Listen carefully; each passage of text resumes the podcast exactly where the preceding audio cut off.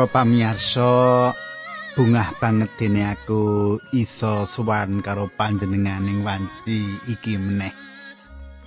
Adicara margi utami pancen adicara kang dadi karemenan panjenengan kabeh aku wis nampa telepon saka ngendi-endi nek adicara margi utami iki adicara sing mirunggan kudu dirungokake. Awit basane basa pedinan basa sing digunakake saben kita lan pancen iso ngresepke ati ngono. Kandhane para sedulur-dulur sing do telepon lan kirim surat marang aku.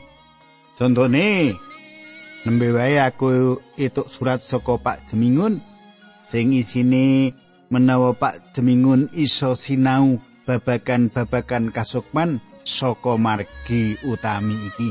Nah kadangku aku pendeta pujianto panjenengan tak sunugo ngrasakake kaya dene sedulur-dulur liya kang wis ngrasakake menawa adicara margi utami iki satunggaling an dadi berkah kanggo panjenengan kabeh. Sugeng midhangetake adicara iki.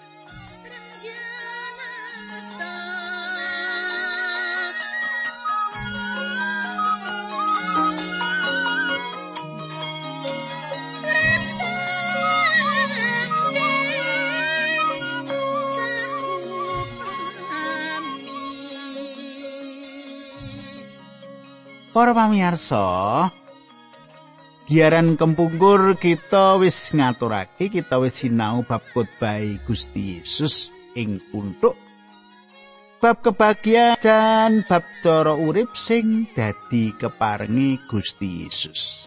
Sikelingan to panjenengan babakan-babakan iki urip ing tengahing paseduluran sing kudu tansah tumindak becik nyondongi selaras karo kersane Gusti. Ora males pakarti Allah kanthi pangikit-ikit banjur males kanthi cara sing luwih duraka. Ora pareng mangkono nanging kudu jawab kudu males kadurjanan kuwi kanthi gautaman. Ah, sinten Pak? Sing saged eh aja ngono ya nang ya. Aja ngono wong kuwi nek wis kumandel karo Gusti Yesus. Ana wong sing tumindak Allah pakarti Allah marang kita, kita ora males Allah, nanging bales kanthi patrap kang utama, patrap kang becik. Nah, ing kiaran kang bakal tak aturake dina iki, kita arep nyinau bab-bab kang gampang kita lakoni ing urip kita kaya to. Bab sedekah, bab pandonga, bab poso, bab kasugian. Nanging sadurunge kuwi, ayo kita ndedonga dhisik. Sawani ngarsane Gusti supaya adicara iki diberkahi dening pangeran. Kanjeng Rama ing swarga kawula ngaturaken gunging panuwun menawi wekdal menika kawula sederek-sederek kawula ingkang setya midhangetaken adicara menika lan sampun kathah rumaos dipun berkahi dening Gusti. Kawula matur nuwun sanget Gusti. Kawula nyuwun tuntunanipun Gusti linambaran asmanipun Gusti Yesus Kristus kawula ndedonga. Haleluya. Amin.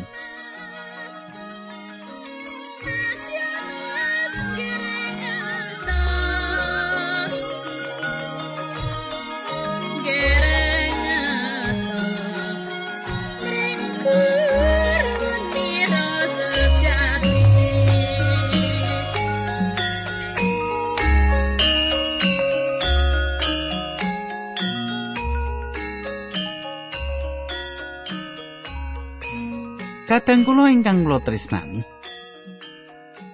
Sing wiwitan Gusti maringi pitedah bab sedekah utawa dana weweh.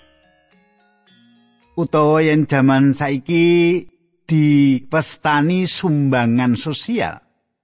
Kuwi panjenengan bisa waca ing Matius 6 ayat 1. Padha elinga aja padha nglakoni pangibadahmu kanggo pameran ana ing sangarepe wong.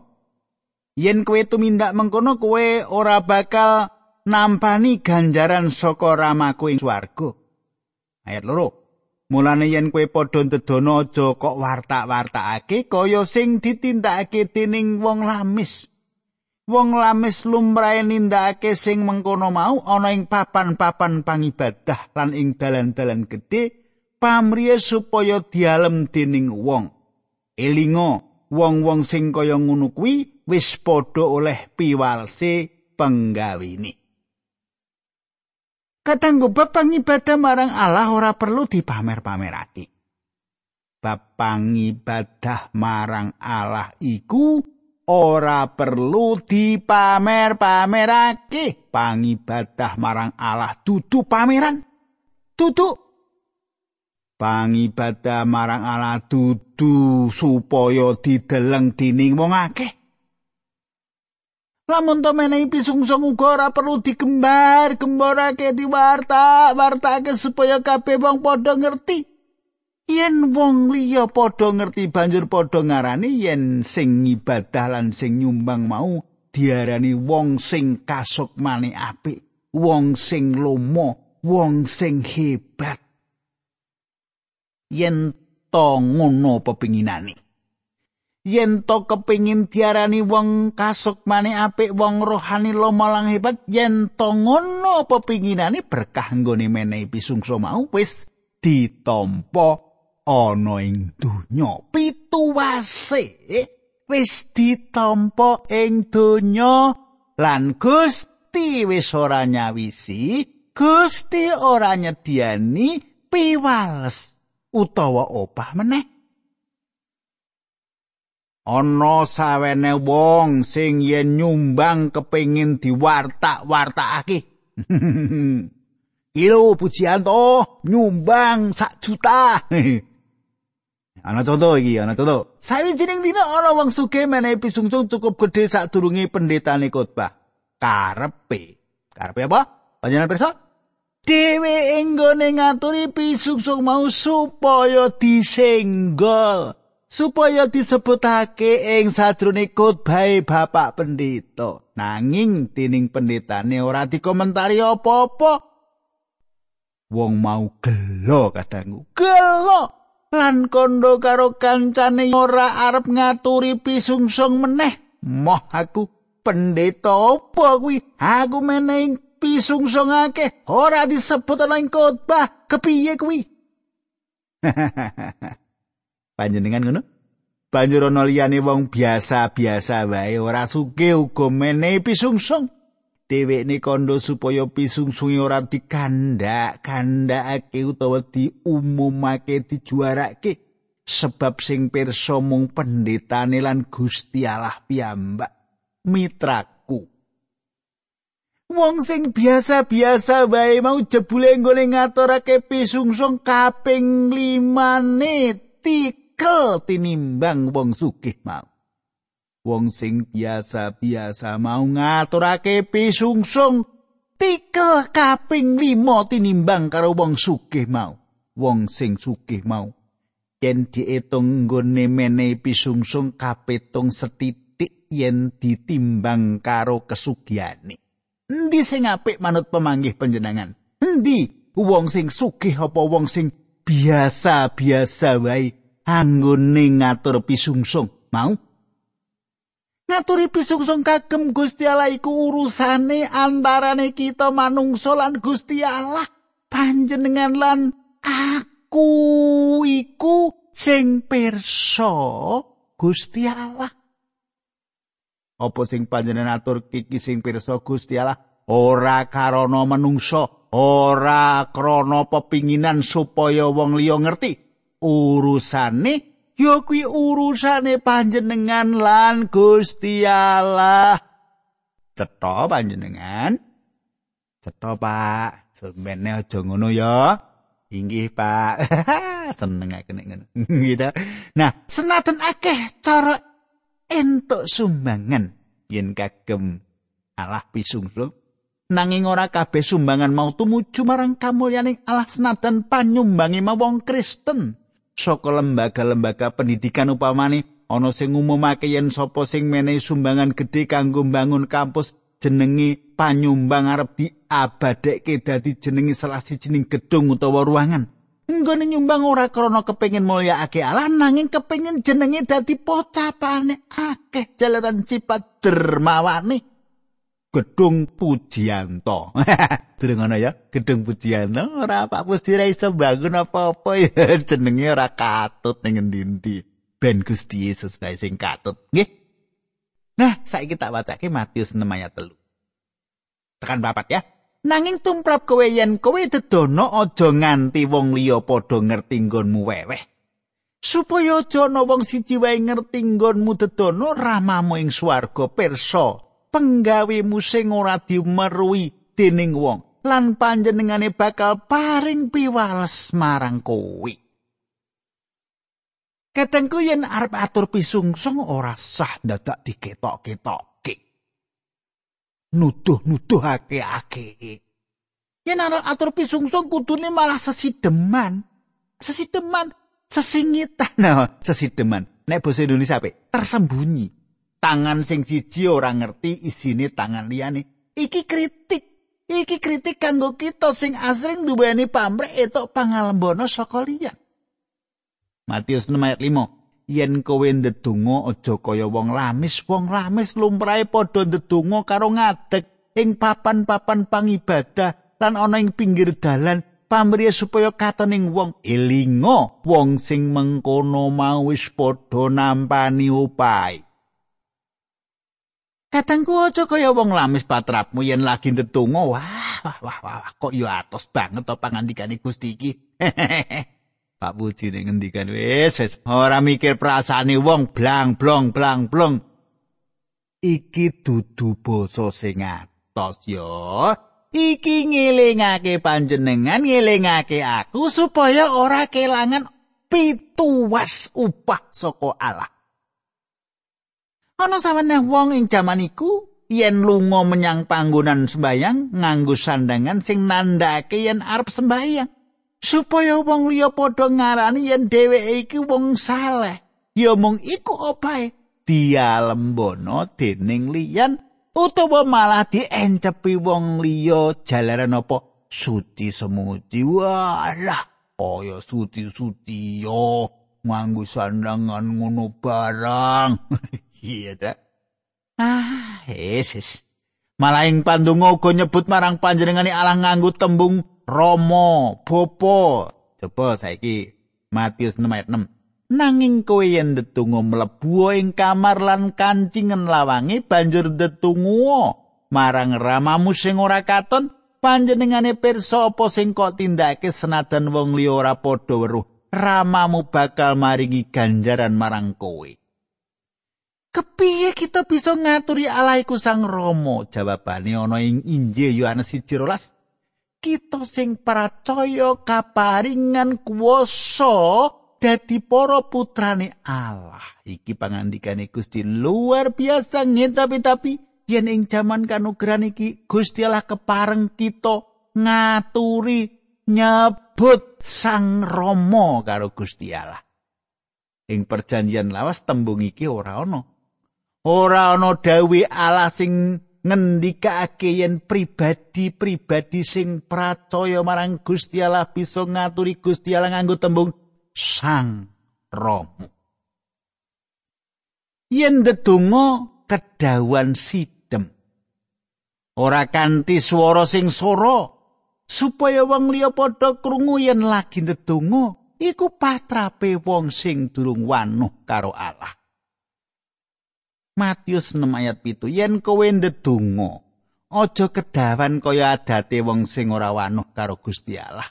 Wong mau padha ngira yen Gusti Allah mirengake pandungane merga pandungane dawa. Katangku bisa panjenengan lan aku nduweni pengalaman ndedonga kanthi di bulan baleni makaping-kaping. Utawa tau ngerti ana sedulur kita sing ndedonga kaya sing panjenengan lan aku lakoni di bulan baleni apa ngendikane Gusti bab iku. Wong sing ndedonga di bulan baleni apa Gusti ngendikan karo wong sing patrape iki. Matius 6 ayat 8. Aja padha niru sing kaya ngono kuwi ramamu wis pirsa apa sing kok butuhake sadurunge kowe nyuwun. Kadangku pandonga kudu kaaturake marang Gusti kita Yesus Kristus kanthi jujur mlebu ing kamar ditutup lawangi matur ngesokake sedaya isen-isening ati. Sajroning pandonga sing ana mung panjenengan lan Allah mula ora perlu sungkan matura apa anane marang Allah. Pirsa nggih Nggih Pak, wis seneng aku. gitu. Nah, pandonga kudu ganti prasaja, sederhana, lugas, ora perlu dibulan baleni yen bisa langsung wae apa sing panjenengan suwun matura marang pangeran Allah. Yo matura marang Gusti kita Yesus Kristus. Ramu wis pirsa apa sing kok butuhake saturunge kowe nyuwun. Ngaten nggih, Pak. Iya, ngono kuwi ya. Mulane nek ndonga ora satu bulan baleni, di bulan baleni. Masa ndonga ning ngrucu baleni, baleni ne liya ngantek ngantuk to. nah, katangku senadyan panjenengane pirsa panjenengane ngersakake supaya umate padha nyuwuna nuli panjenengane maringi contoh kepriyengon kita ndedonga. Ana sading aliran gereja sing ora ngucapake pandonga Rama kawula. Doa Bapa kami. Ana sebab sing uga gumathok. Yen dina minggu padha kebaktian ning omah wis cemawis apa sing arep kanggo mangan ing dina iku kanggo apa meneh nyuwun marang Allah apa sing dipangan dina iki harak klebu bulan baleni pandonga to dikepiye wae pandonga Rama kawula iki conto sing endah banget mung wing wong ndedonga Matius 6 Tunggu mangkene Rama kawula ingkang wonten ing swarga asma paduka ingkang suci mugi dipun hormati dening sedaya tiyang. Iki pandonga sing diwulangake marang kita para kagungane. Endah banget tembung Rama kawula. Ana sesambungan sing raket antarane panjenengan lan Allah Sang Rama. Jalaran panjenengan percaya marang Gusti Yesus Kristus. Kanjeng Rama ingkang wonten ing swarga, panjenengane alam dalem ana ing kasuwargan. Ora ing bumi lan ya ora dikurung ing jagat raya iki nanging Gusti Allah dedalem ning kasuwargan. Sing ora winatesan samubarang sing ana lan panjenengan iku sing murba lan masesani jagat raya iku. Asma patuko ingkang suci mugi dipun hormati dening sedaya tiyang. Asmane Allah pancen suci moho suci. Kepriye cara kita nindakake urip iki supaya saben wong padha ngerti yen Allah sing kita sembah iku suci mestine wae. Kanthi ngetok kekuatan golok gilik supaya urip kita uga suci. Matius 6 ayat 10 Kraton patuko mugi dipunestakaken dening sedaya tumita ing salumahing bumi. Kados dene pangreh wau wonten ing swarga ingkang dipunestakaken dening para malaikat kraton paduka mugi dipun estokaken. Lire supaya pangre alaing bumi padha diestokake dening para manungsa sing isih padha urip.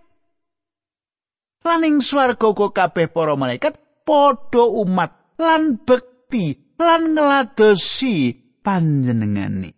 Ayat 11 Mugi kawula paduka paringi rejeki ing dinten menika. Pandonga iki mbuktekake yen urip kita para wong pracaya gumantung sakwutuhe marang Allah ing saben dinani jalaran saka pracaya panjangkunge Allah kanggo dina sesuk ora disuwuning dina iki kanthi iman sesuk mesti ana berkah sing cumawis.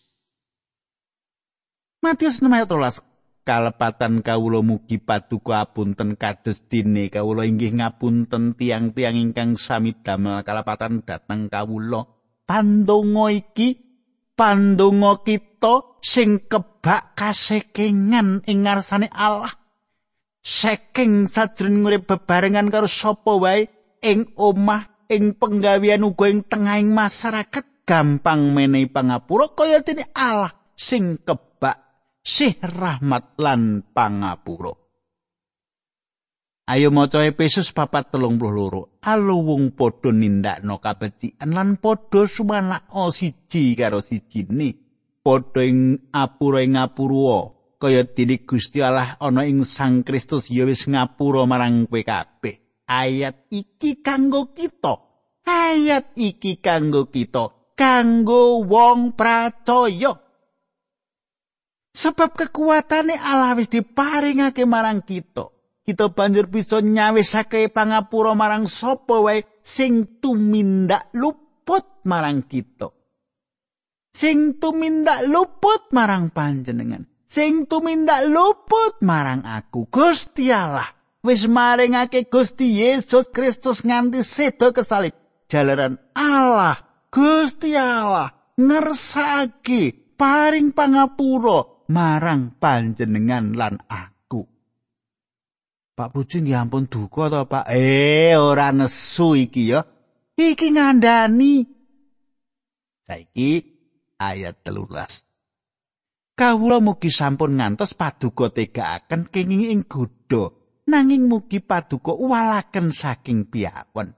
Awit paduka menika ingkang ngresa mukawis ingkang kagungan panguwasa ratu ingkang mulya ing selaminipun. Amin. Kadangku ayat iki apik banget. Mugi sampun ngantos paduka tegakaken kenging ing godhok. Ora teges yen bakal ora panggudha apa-apa, ora ana panggudha apa-apa. Ateges ora bakal ora ana panggudha. Nanging yen kena panggudha, ya. Yen nganti kena panggudha, Gusti Allah celak marang kita. Gusti Allah ora nilar kita. Gusti Allah tetunggilan karo kita. Pancen ora ana siji wae cat sing duwe kuasa sing bisa ngatur jagat raya saisine kejaba mung panjenengane Allah ing dedalem asmanipun Gusti kita Yesus Kristus. Paduka menika ingkang ngresa mukawis ingkang kagungan panguwasa ratu ingkang mulya ing selaminipun. Amin. Yen panjenengan poso, coba persanana ayat iki. Ayat 16, yen kowe padha poso, ulatmu aja kok gawe suntrut kaya carane wong lamis, wong-wong maulate digawe katon lesu supaya wong kabeh padha ngerti yen dhewe lagi poso, elingo. Wong sing mengkono kuwi wis padha nampa piwales sing sak mestine. Ayat 17. Nanging kowe yen poso raupo lan rambutmu jung katono. Ayat 18. Supaya ora ana wong sing ngerti yen kowe lagi poso, perlune mung ramamu ing swarga sing ora katon kuwi wae sing pirsa apa sing kok lakoni senadyan wong liya ora susah ana sing weruh lan panjenengane bakal maringi piwalese marang kowe kaya sing wis katur. Mau? Samu barang sing kita tindaki kagem kamulyane Allah ora perlu dipamer-pamerake sesideman sebab sing ana mung panjenengan lan Allah piyambak sajrone panjenengan poso. Nuli Gusti Yesus dawuh bab duit lan bondo ayat 19 20 aja padha nglumpukake bondo ning donya awit bondo donya kuwi bisa rusak dening rayap lan renget lan kena dicolong malih nanging padha nglumpukno bondo ing swarga awit ing swarga ora ana rayap lan renget sing bisa ngrusak bondo mau lan maling iya ora bisa mbabah lan nyolong. Awit ing ngendi dununge bandamu? Iya ana ing dununging atimu. Kepriye carane ngumpulake bondo ing swarga nyengkuyung kanthi pisungsung pakaryane Allah ing donya kanthi lila legawa. Yen panjenengan nindakake bab iki panjenengan wis ngumpulake bondo ing swarga. Jalaran bondo panjenengan ing swarga mula saben dina tangsa mikir bab-bab sing ana ing sambung rapete karo kaswargan. Gesang lan makarya sing utama kagem kaluhurane Gusti kita Yesus Kristus. Tekan semene dhisik aturku marang panjenengan diterusake dina candhae ayo ndedonga Kanjeng Rama ing swarga kawula ngaturaken gunging panuwun. Dene kawula saged tetunggilan kalian sedherek kawula kawula pasrahaken wonten ing asta paduka pangandikan menika linambaran asmanipun Gusti Yesus Kristus. Haleluya. Amin.